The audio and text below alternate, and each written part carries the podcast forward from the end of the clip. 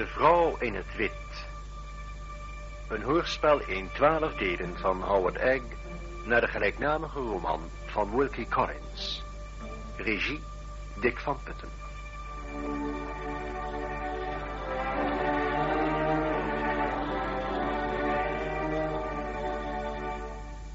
De handtekening. Mijn vreugde over de hereniging met Laura in haar nieuwe tehuis Blackwater Park werd wel wat overschaduwd door de kille aanwezigheid van madame Fosco en haar omvangrijke echtgenoot graaf Fosco, die in zo'n grote mate zijn stempel op het huis drukte dat hij het enige onderwerp van gesprek is tussen Laura en mij. Ben je bang voor hem, Marion? Misschien wel een beetje. En toch weet ik niet waarom. Hij is uitermate beleefd en hartelijk. En hij wil duidelijk met iedereen hier op goede voet omgaan. Ik mag hem niet. En dat weet hij. Daarom zendt hij me steeds bloemen. Maakt hij mij complimenten. Alleen natuurlijk als madame Fosco er niet bij is. Ze is ijselijk jaloers. Maar niet zo ijselijk als toen ik haar vroeger heb ontmoet. Toen was ze zo koud als een marmeren beeld en net zo ondergrondelijk. De graaf schijnt haar wel getemd te hebben.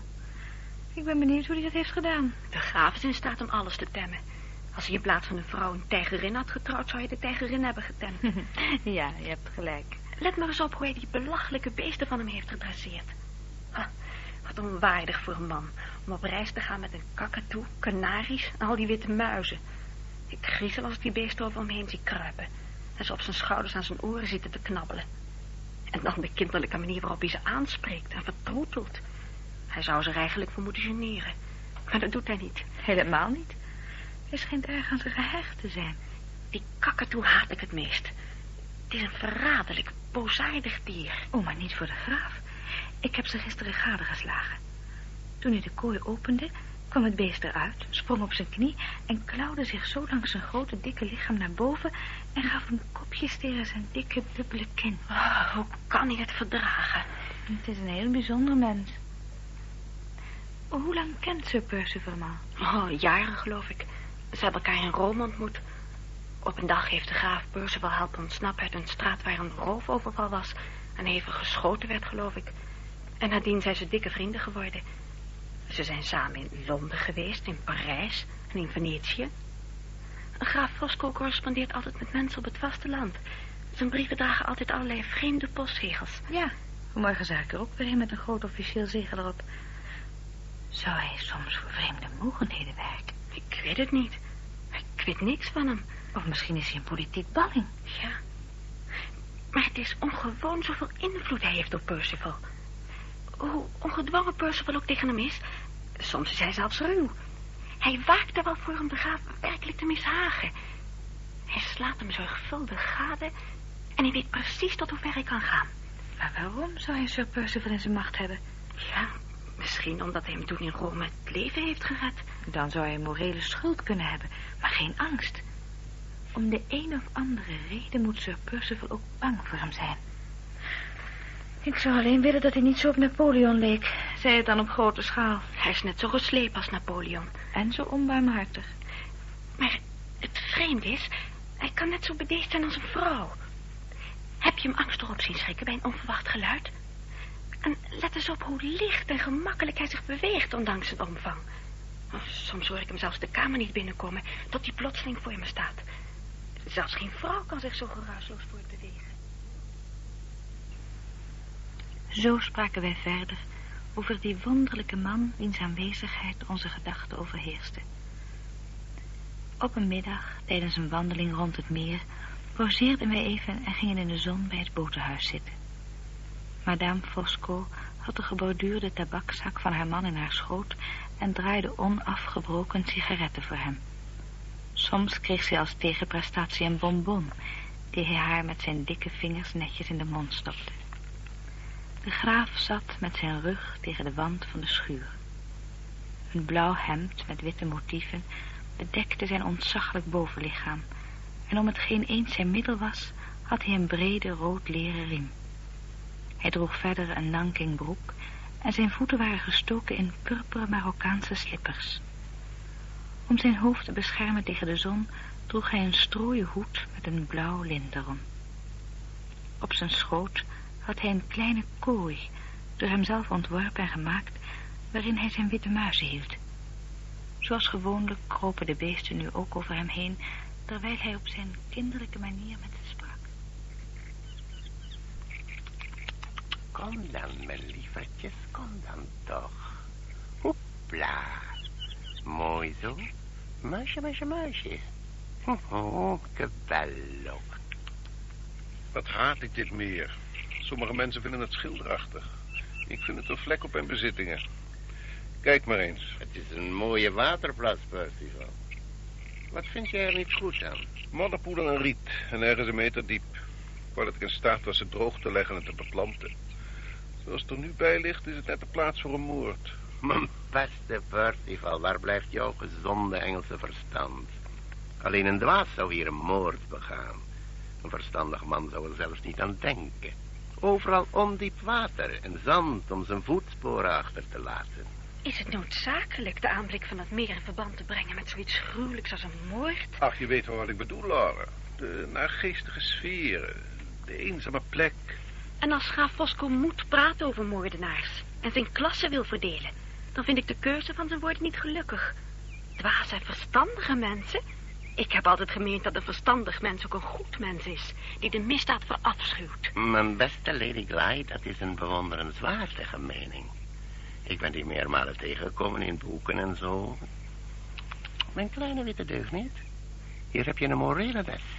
Een verstandige muis is een goede muis. Nou, ga maar. En vertel het je vriendjes en knaag nooit meer aan de tralies van je kooi. Heb je het begrepen? Het is eenvoudig alles in het lachwekkende te trekken, graaf Fosco. Maar misschien kunt u mij een voorbeeld geven van een verstandig man... die tevens een groot misdadiger was. Aha, De misdaad van een dwaas komt altijd uit. Die van een verstandig man niet. Dus als ik u een voorbeeld zou geven, dan zou dat geen voorbeeld zijn van een verstandig man. Want dat zou niet bekend zijn. Mijn beste Lady Glyde, uw gezonde Engelse verstand is te veel voor mij. Heeft je niet gewonnen, Laura? Zeg hem dat de misdaad altijd uitkomt. Nog een stukje boekenmoraal voor je, Fosco. Nou, wat zeg je erop? Ik geloof dat het juist is. Ik ook. Mijn beste Miss Helcomb, mijn beste Lady Glyde, gelooft u dat werkelijk? En jij, mijn engel, geloof jij ook dat een misdaad altijd uitkomt? Ik wacht op instructies voor ik het waag mijn mening te geven in tegenwoordigheid van zoveel welgeïnformeerde personen. Oh ja, madame Fosco? Ik herinner mij anders nog de tijd dat u pleitte voor de rechten van de vrouw. En de vrijheid van meningsuiting was daar een van. Wat is jouw mening over deze kwestie, graaf? Zal ik nog een sigaret voor je maken? Mijn mening, mijn engel, deze. Een misdaad komt altijd uit, hè? Dus moord ook, niet? Vraag de mensen van de balie of dat waar is, Lady Glyde. Vraag de mensen van levensverzekeringsmaatschappijen of dat waar is, Miss Helcomb. Lees uw eigen openbare kranten. Vergelijk de zaken die worden gerapporteerd met degene die niet worden gerapporteerd. De lichamen die wel worden gevonden en de lichamen die niet worden gevonden. En tot welke conclusie komt u dan? Alsjeblieft, zeg het, graaf. Dat er domme misdadigers zijn die worden gesnapt. En verstandige misdadigers die niet worden gesnapt. En het verbergen van een misdaad. En het uitkomen van een misdaad. Wat is dat? Louter een strijd van kennis en ervaring tussen de politie enerzijds en de misdadiger anderzijds. Natuurlijk is het dat. En als de misdadiger een dwaas is, zal de politie in 9 van de 10 gevallen overwinnen. Juist. Maar als hij een vastberaden, goed opgevoede, intelligente man is, zal de politie in 9 van de 10 gevallen verliezen. Als de politie wint, hoor je er gewoonlijk alles over. Als zij verliest, word je gewoonlijk niet. Volkomen waar en goed gezegd. Er mag iets van waar zijn en alles goed gezegd. Maar ik begrijp werkelijk niet waarom graaf Fosco zo opgetogen is over het succes van de misdadiger op de gemeenschap. En waarom u, Sir Percival, hem daar zo voor luide toejuicht. Hoor je dat, Fosco? Volg mijn raad en sluit vrede met je gehoor. Zeg ze dat de deugdzaamheid een prachtig ding is. Dat horen ze graag, dat verzeker ik je. Mijn beste Percival, over deugdzaamheid zullen de dames mij moeten vertellen. Dat kunnen zij beter dan ik. Zij weten wat deugdzaamheid is. Ik niet. Hoor je dat? Is het niet reusachtig? Het is waar. Ik ben een man van de wereld en ik heb in mijn tijd zoveel soorten van deugdzaamheid ontmoet... dat ik mij nu afvraag welke is de goede en welke de verkeerde soort. Er is maar één soort, graaf Fosco. De goede. Vindt u, Miss Helcomb? Ik waag het met u van mening te verschillen. Hier in Engeland is één soort deugdzaamheid en in China weer een ander. Wie zal beoordelen welke de juiste is? Wat zeg jij ervan, mijn lieve kleine muisje? Hè? Wat zeg je? Wat zeg je? Fluister het maar in mijn oor. Wat is jouw idee van een deugdzaam mens? Iemand die je lekker warm houdt, hè? En je te eten geeft? Dat is een heel goed idee, hoor, want dat is belangrijk. Je sigaret, hè? Oh, dank je, mijn engel. Is uitstekend gemaakt. Wil jij nog een bonbon hebben? Dank je, niet meer. Ik geloof dat ik een slecht mens ben, Lady Glyde. Ik zeg dingen die anderen alleen maar denken. U zult bemerken, jonge dames, dat de graaf nooit iets zegt zonder daarvoor een geldige reden te hebben. Ik zal proberen mij te verheffen op mijn dikke olifantenstelten... voor ik schade toebreng aan jouw waarderende woorden, mijn engel. Eh, ik ga alleen nog een klein stukje wandelen. Kom, kom, kom, kom, mijn lievertjes. In je. Eén, twee, drie, en vier. Mijn hemel. Wat is er? Maar waar is de vijfde? De, de jongste, de mooiste, de kostbaarste van allemaal. Mijn Benjamin. Waar is mijn Benjamin? Ik zie geen enkele reden tot lachen. Lady Gluit? Neemt u mij niet kwalijk. Maar als ik zie hoe zo'n grote man als de graaf... zo ontdaan is over het verlies van zo'n klein meisje... Kijk eens onder die bank, graaf.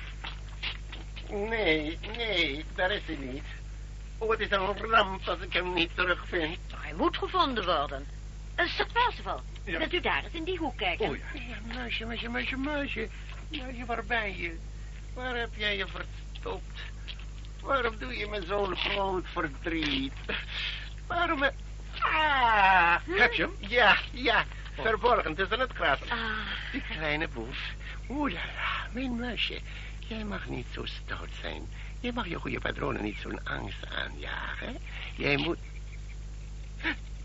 Percival, Wat is er nu weer? kom hier. Kom hier, kijk, kijk eens hier. Bij, bij mijn voet. Nou, Je, je- je niets. de een of andere vlek. Een vlek, juist. Bloed. Bloed? Ja, hier op het zand. Oh, daar hoef je niet zo van te schrikken, Laura. Het is alleen maar het bloed van een klein hondje. Hoe weet u dat? Ik vond het hier, de dag voor jullie terugkwamen. Stervende. Een geduime was verdwaald en is toen door uw jacht op Sina neergeschoten. Van wie was die hond? Toch niet van mij? Nee, niet van u. Mrs. Michelson en ik hebben nog ons best gedaan het te redden, maar het is gestorven. Ze zei me dat het de hond was van Mrs. Keswick. Mrs. Catherine. Hoe wist de huishoudster dat het de hond was van Mrs. Catherine? Omdat Mrs. Keswick hem bij zich had toen ze hier kwam. Wat? Hier, in mijn huis? Ja, Wat voor de duivel kan Mrs. Catherine hier doen? Mijn beste Percival, kalm. Kalm, mijn goede vriend. Neemt u me niet kwalijk, Miss Helkamp. Ik ben de laatste tijd niet helemaal mezelf. Ik, ik ben wat vlug geïrriteerd, vrees ik. Maar ik zou toch wel graag willen weten wat Mrs. Catherine hier kwam doen. Wanneer was ze hier? Weet u dat ook? de dag voor ik hier aankwam, vertelde Mrs. Michelson mij. En is Mrs. Michelson de enige geweest die hier heeft gezien? Mijn beste Percival, waarom stel je al die vragen aan Miss Helcomb? Waarom wend je je niet rechtstreeks tot de bron? Tot je eigen huishoudster? Je hebt gelijk. Zodra we thuis zijn, zal ik met haar gaan praten. We stonden op en liepen terug naar huis. Sir Percival was stil. Hij voelde zich kennelijk niet op zijn gemak. Maar graaf Fosco scheen in de allerbeste stemming en onthaalde ons met krachtig stemgeluid op een aria uit de Barbier van Sevilla. Ja, hij is een zeer wonderlijk man. Toen wij het huis bereikt hadden, kwam Mrs. Michelson ons snel tegemoet en deed Sir Percival een mededeling die hem een ernstige schok scheen te bezorgen. Neemt u me niet kwalijk, Sir Percival. Ja, wat is er? Mr. Merriman wacht op u. Dat Merriman? Hij is tien minuten geleden aangekomen. Hij wenst u onmiddellijk te spreken. Waar is hij? In de bibliotheek, sir. Zal ik hem zeggen dat u eraan komt? Nee, ik ga zelf naar hem toe. Ik denk dat er iets gebeurd is. Mijn man lijkt erg ontdaan. Ik weet wel zeker dat er iets gebeurd is, Lady Clyde. Als een advocaat van Londen naar Hampshire reist, zonder daartoe uitgenodigd te zijn, en zijn komst de heer des huizes zo ontstelt, dan mag wel worden aangenomen dat deze vertegenwoordiger van het recht de brenger is van belangrijk en onverwacht nieuws. Ik hoop dat het geen slecht nieuws is. Zullen wij zeggen, nieuws van ongewone aard, Lady Clyde. Van ernstige aard, graaf Fosco? Kilosa, wie weet, mijn beste lady. We gingen naar boven om ons te kleden voor het diner. Toen ik mijn kamer weer uitkwam en op de gang liep om naar Laura te gaan, hoorde ik de stemmen van Sir Percival en Mr. Merriman. De deur van de bibliotheek stond open. Ze bevonden zich recht onder mij. En hoewel ze rustig spraken, kon ik duidelijk horen wat er werd gezegd. Ik hoorde Laura's naam noemen. Toen bleef ik staan en luisterde. Maakt u zich geen zorgen, Sir Percival. Alles hangt af van Lady Glyde. Zij moet het stuk tekenen in tegenwoordigheid van een getuige. Of van twee getuigen, als u zich helemaal veilig wilt stellen. Dat is alles wat er wordt verlangd. Als dat gebeurd is, is alles in orde en hoeven we ons geen zorgen meer te maken. En zo niet. Wat bedoel je met zo niet? Als het moet gebeuren, zal het gebeuren. Dat beloof ik je, Merriman. Natuurlijk, Sir Percival, natuurlijk. Maar elke zaak heeft twee kanten.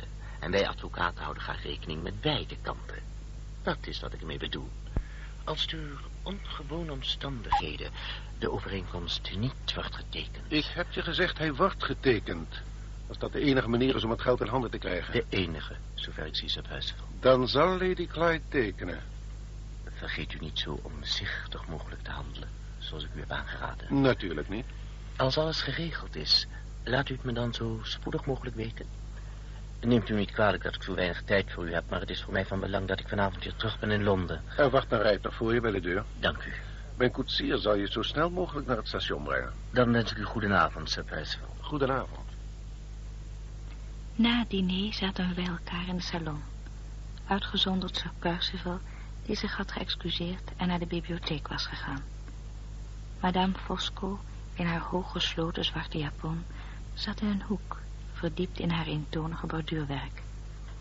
De graaf, die een sigaret rookte die ze juist voor hem had gedraaid, stond bij de bloemen in het venster en probeerde door rook op de bladeren te blazen de insecten te doden. Na enige tijd kwam Sir Percival terug uit de bibliotheek. In zijn handen had hij een stuk opgevouwen perkament en een pen en een inktpot. Als ik u een ogenblik lastig mag vallen. Er is een kleine zaak te regelen die ik graag wil afhandelen. Het duurt maar even, het is enkele formaliteit. Laura, gravin Fosco, mag ik even uw aandacht? Ik heb jou nodig, Laura, en de gravin en Fosco om getuige te zijn bij het zetten van een handtekening. Dat is alles. De handtekening van mijn vrouw. Ja, neem mij niet kwalijk, Percival, maar je kent toch de eigenschappen die door de Engelsen zijn toegedicht aan mijn landslieden? Waar heb je het over? Welke eigenschappen? Volgens de Engelsen zijn wij, Italianen, doortrapt en argwanend van natuur. En aangezien ik niet anders ben dan de rest van mijn ras, zou ik je willen vragen mij niet lastig te vallen. Ik ben een doortrapte en argwanende Italiaan. En het is geheel naar mijn doortrapte en argwanende aard dat ik er bezwaar tegen heb dat mijn vrouw, Madame Fosco, getuige moet zijn bij het plaatsen van een handtekening van Lady Glyde, waar ik ook bij zou moeten getuigen. Er is geen enkele reden voor bezwaar. Ik heb al eerder gezegd dat de Engelse wet toestaat dat zowel u als Madame Fosco als getuige kunnen optreden. Misschien wel, de Engelse wet zegt ja. Maar het geweten van Fosco zegt nee. Dat is onzin. Ik weet niet en ik verlang ook niet te weten wat Lady Glyde moet ondertekenen. Ik wil alleen opmerken dat er zich bepaalde omstandigheden in de toekomst kunnen voordoen. Wat voor omstandigheden? Omstandigheden die jou verplichten of je vertegenwoordigers om je te beroepen op die twee getuigen. En dan is het wenselijk dat beide getuigen twee onafhankelijke meningen vertegenwoordigen. En is dat dan niet zo? Niet als ik en mijn vrouw onderteken. Ja, verklaar je nader. Omdat er tussen ons maar één mening bestaat, de mijne. Je bent bijzonder onhandelbaar, Fosco. Wat moet ik nu doen? Niets eenvoudiger dan dat, mijn beste Percival. Ik stel voor dat ik teken als jouw naaste vriend En Miss Helcomb was naast de vriendin van je vrouw. Hebt u daar bezwaar tegen, Miss Helcomb? Geen enkel. Zolang ik met een gerust geweten kan tekenen. Prachtig. Wil je dan even bij de tafel komen, Laura? En hier je naam zetten? Daarna zullen Miss Helcomb en Fosco tekenen. Wat is het dat ik moet tekenen? Ja, ik heb nou geen tijd om dat allemaal uiteen te zetten. En als ik het wel had, zou je het toch niet begrijpen. Het is een zuiver formeel document, vol wettelijke technische bijzonderheden. Hier, zet hier je naam maar. Maar ik moet toch weten wat ik onderteken, Percival? Ik zeg je nog eens dat je daar niets van zou begrijpen. Probeer in elk geval mij te laten begrijpen. Als Mr. Gilmer iets zakelijks van mij verlangde, verklaarde hij het ook eerst. En ik heb hem altijd nog begrepen. Ongetwijfeld. Hij was jouw dienaar en verplicht om je een verklaring te geven. Ik ben je echtgenoot en ben dat niet verplicht. Kom, wil je ons nou nog langer laten wachten? Als mijn handtekening mij tot iets verplicht, heb ik toch wel het recht te weten wat het is. Spreek maar verder. Je staat erom bekend dat je altijd de waarheid spreekt. Trek je me iets aan van Miss Helkamp of graaf Fosco? Zeg maar in duidelijke woorden dat je mij wantrouwt. Percival, beheers je. Lady Glyde heeft gelijk. Gelijk? Heeft een vrouw het recht haar man te wantrouwen? Het is niet waar. Wreed van je me daarvan te beschuldigen. Vraag het Marion of ik niet gerechtigd ben te weten wat ik onderteken. Ik heb er geen behoefte aan Miss Helkamp iets te vragen. Ze heeft er niets mee te maken. Neemt u me niet kwalijk, Sir Percival. Maar als een van de getuigen waag ik het te veronderstellen dat ik er wel terdege iets mee te maken heb. Laura's bezwaren lijken me volkomen gegrond. En om voor mijzelf te spreken, ik kan die getuigenis niet aanvaarden alvorens zij weet wat zij op uw verlangen moet ondertekenen. Een gewaagde verklaring, Miss Helkamp. De volgende keer dat u zichzelf uitnodigt in het huis van een man... raad ik u aan zijn gastvrijheid niet te belonen... door de zijde van zijn vrouw te kiezen in kwesties die u niets aangaan. Als ik een man was, Sir Percival... zou ik dit huis onmiddellijk verlaten... en het onder geen enkele omstandigheid ooit weer betreden. Oh, Marion, alsjeblieft, alsjeblieft. Voor jou, Laura. Alleen voor jou zal ik blijven. Nou, ben je nog van plan te tekenen? Zal ik het doen, Marion? Als jij het zegt, zal ik het doen. Nee. Het recht staat aan jouw kant. Onderteken niets voor je het hebt gelezen. Miss Helkamp, mag ik u verzoeken? Percival, ik eh, realiseer mij dat ik in het gezelschap ben van dames. Wees zo goed je dat ook te realiseren. Praat niet tegen mij op deze manier, Fosco. Wees zo goed je dat ook te realiseren. Ik wil niemand beledigen. Maar de halstarrigheid van mijn vrouw is groot genoeg om het geduld van een heilige op de proef te stellen. Ik heb haar gezegd dat dit alleen maar een formaliteit is. Wat kan zij nog meer verlangen? Je kunt zeggen wat je wilt, maar het behoort niet tot de plicht van een vrouw haar man te trotseren. Nog één keer, Lady Clyde, en nu voor het laatst. Zul je tekenen of niet? Ik zal met genoegen tekenen. Als jij me behandelt als een persoon met verantwoordelijkheidsgevoel. Als ik bezwaar maak om een document te ondertekenen waar ik niets van af weet. Bezwaar? Jouw bezwaren? Bah! Het is een beetje te laat voor jou om bezwaren te maken. Ik dacht dat je die wel overboord had gezet... toen jij van de nood een deugd maakte door met mij te trouwen. Hier heb je je pen. Na hetgeen je hebt gezegd, weiger ik mijn handtekening... voor ik elke regel heb gelezen van het document. Van de eerste tot de laatste letter. Kom, Marion. We zijn hier lang genoeg geweest. Eén ogenblik, Lady Glyde. Eén ogenblik, smeek ik u. Ja, graaf Fosco. Wat hebt u nog te zeggen? Neemt u mij niet kwalijk als ik het waag een voorstel te doen. En ik smeek u te geloven dat ik spreek uit een diep respect en vriendschappelijke gevoelens jegens u. Percival, is het absoluut noodzakelijk dat dat document vanavond nog getekend moet worden? Het is noodzakelijk voor mijn plannen en wensen. Maar die overweging heeft, zoals je hebt gemerkt, geen enkel invloed op Lady Clyde. Beantwoord mijn vraag duidelijk. Kan die zaak uitgesteld worden tot morgen, ja of nee? Ja, als je dat wilt horen. Waarom verspil je dan nu je tijd? Wacht dan tot morgen. Jij slaat een toon tegen me aan die me niet bevalt. Een toon die ik van geen enkele man wens aan te horen. Ik raad je alleen voor je best wil. Gun jezelf de tijd. Gun Lady Glyde de tijd. Mijn toon verwondert je, dat kan wel. Het is de toon van een man die zich kan beheersen. Hoeveel keren heb ik jou al niet van raad gediend? Meer dan ik weet. Je hebt me altijd raad gegeven. En is die raad ooit verkeerd geweest? Ik taart je om mijn voorbeeld te noemen. Ga heen, neem dat document mee. Die ondertekening kan wachten tot morgen. Laat die dus wachten. Goedenacht, Lady Glyde. Goedenacht, Miss Helcom. Ervan overtuigd dat de onbekende inhoud van het document een bedekte transactie inhield van de laagste en meest frauduleuze aard, ging ik met Laura naar haar kamer en nam de voorzorg om de deur te sluiten, zodat wij niet gestoord konden worden. Ik schaam me je onder ogen te komen, Marion. Nou, hetgeen je beneden hebt moeten verduren ter wille van mij. Ach, dat heeft niets te betekenen vergeleken bij jouw ongeluk. Heb je gehoord wat hij tegen mij zei? De woorden die hij gebruikte. Ja, onvergeeflijk. Ik heb heel veel voor jou verborgen gehouden, Marion. Om je niet ongerust te maken bij het begin van ons nieuwe leven. Je weet niet hoe wreed hij tegen mij is geweest. En nu krijg je daarvan een idee. Oh, ik wilde maar dat ik die handtekening had gezet. Je hebt gelijk dat je het niet hebt gedaan. Morgen zal ik het wel doen. Ik heb het alleen uitgesteld. Jij hebt tegenover hem mijn zijde gekozen. Als ik weer weiger, zal hij dat aan jou wijten. Laten we proberen er kalm over na te denken, Laura. En voor alles, we moeten ervoor waken graaf Fosco tot vijanden krijgen. Zonder zijn invloed kan ik hier niet blijven en jou helpen. Toch is het een invloed die ik vrees. Regeert iedereen hier in huis. Hij weet alles wat er gebeurt. Je kunt alleen een tweede keer weigeren te tekenen als je daarvoor een gegronde reden kunt geven. Een reden die nog de graaf, nog Sir Percival kunnen betwisten. Wat moet het voor een reden zijn? Een wettelijke. Een wettelijke reden die hen zal tonen dat wij evenzeer op de hoogte zijn met de regels van de wet als zij. En daarvoor hebben we Mr. Gilmore nodig. Laat mij hem schrijven, Laura. Nu onmiddellijk. En hem om raad vragen. Maar Marion, wat moeten we doen zolang we nog niets van hem hebben gehoord? Hoe kunnen we voorkomen... Morgenmiddag kan Mr. Gilmore mijn brief hebben. Ik zal hem vragen om zijn antwoord de volgende morgen door een speciale boodschapper te laten brengen. Die kan dan aankomen met de trein van, van 11 uur. Ik zal hem zeggen dat die boodschapper mij persoonlijk op moet zoeken en geen vragen moet beantwoorden die hem door wie dan ook worden gesteld.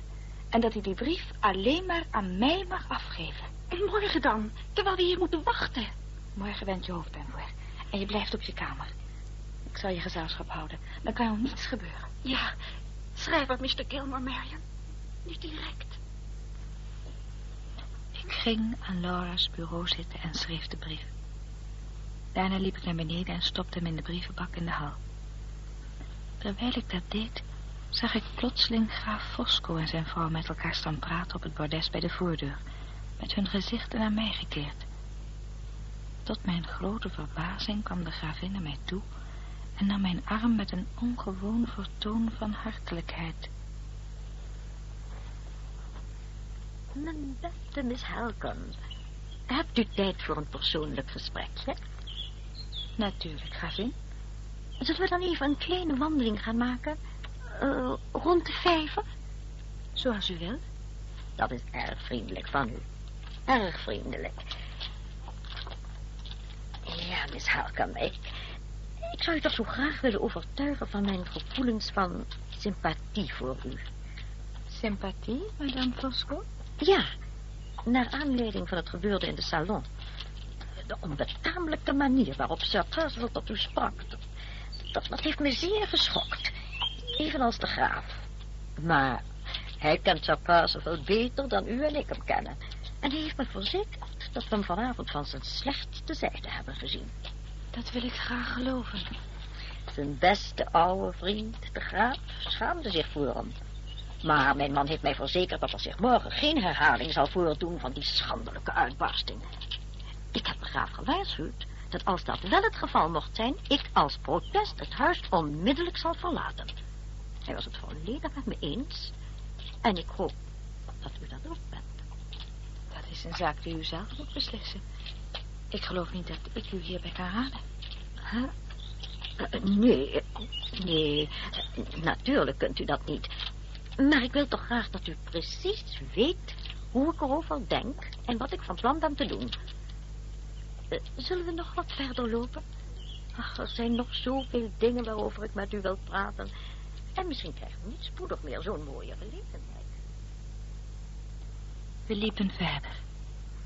Zij hield mijn arm stevig omklemd en scheen vast besloten mij niet te laten gaan. Ik was verbaasd. En toen plotseling, terwijl zij sprak over huwelijk en geluk en haar man... toen plotseling kreeg ik het kwade vermoeden dat zij alleen maar tijd wilde winnen. Dat ze mij doelbewust buiten in de tuin wilde houden. Het volgende ogenblik schoot er een alarmerende gedachte door mij heen. Zodra wij in huis waren teruggekeerd en zij boven naar haar kamer was gegaan, liep ik rechtstreeks naar de postbak in de hal, nam mijn brief eruit en onderzocht hem. De envelop was opengemaakt. Ik wist dat ik hem zorgvuldig had dichtgeplakt. Er was maar één verklaring. Er was aan de envelop geknoeid. En ik begreep onmiddellijk door wie. Door graaf Fosco.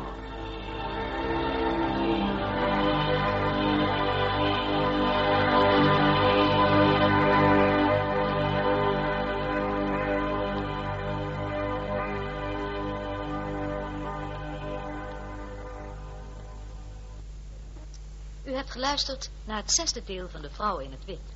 Een hoorspelserie geschreven door Wilkie Collins. De rolverdeling is als volgt. Marion Helcomb, Annemarie van Ees. Laura Fairley, Irene Poorter. Sir Percival, Hub Orizant. Merriman, Paul Deen. Mrs. Michelson, Nel Snell. Graaf Fosco, Bam Heskes. En Madame Fosco, Doge Rigani. De regie had Dick van Putten.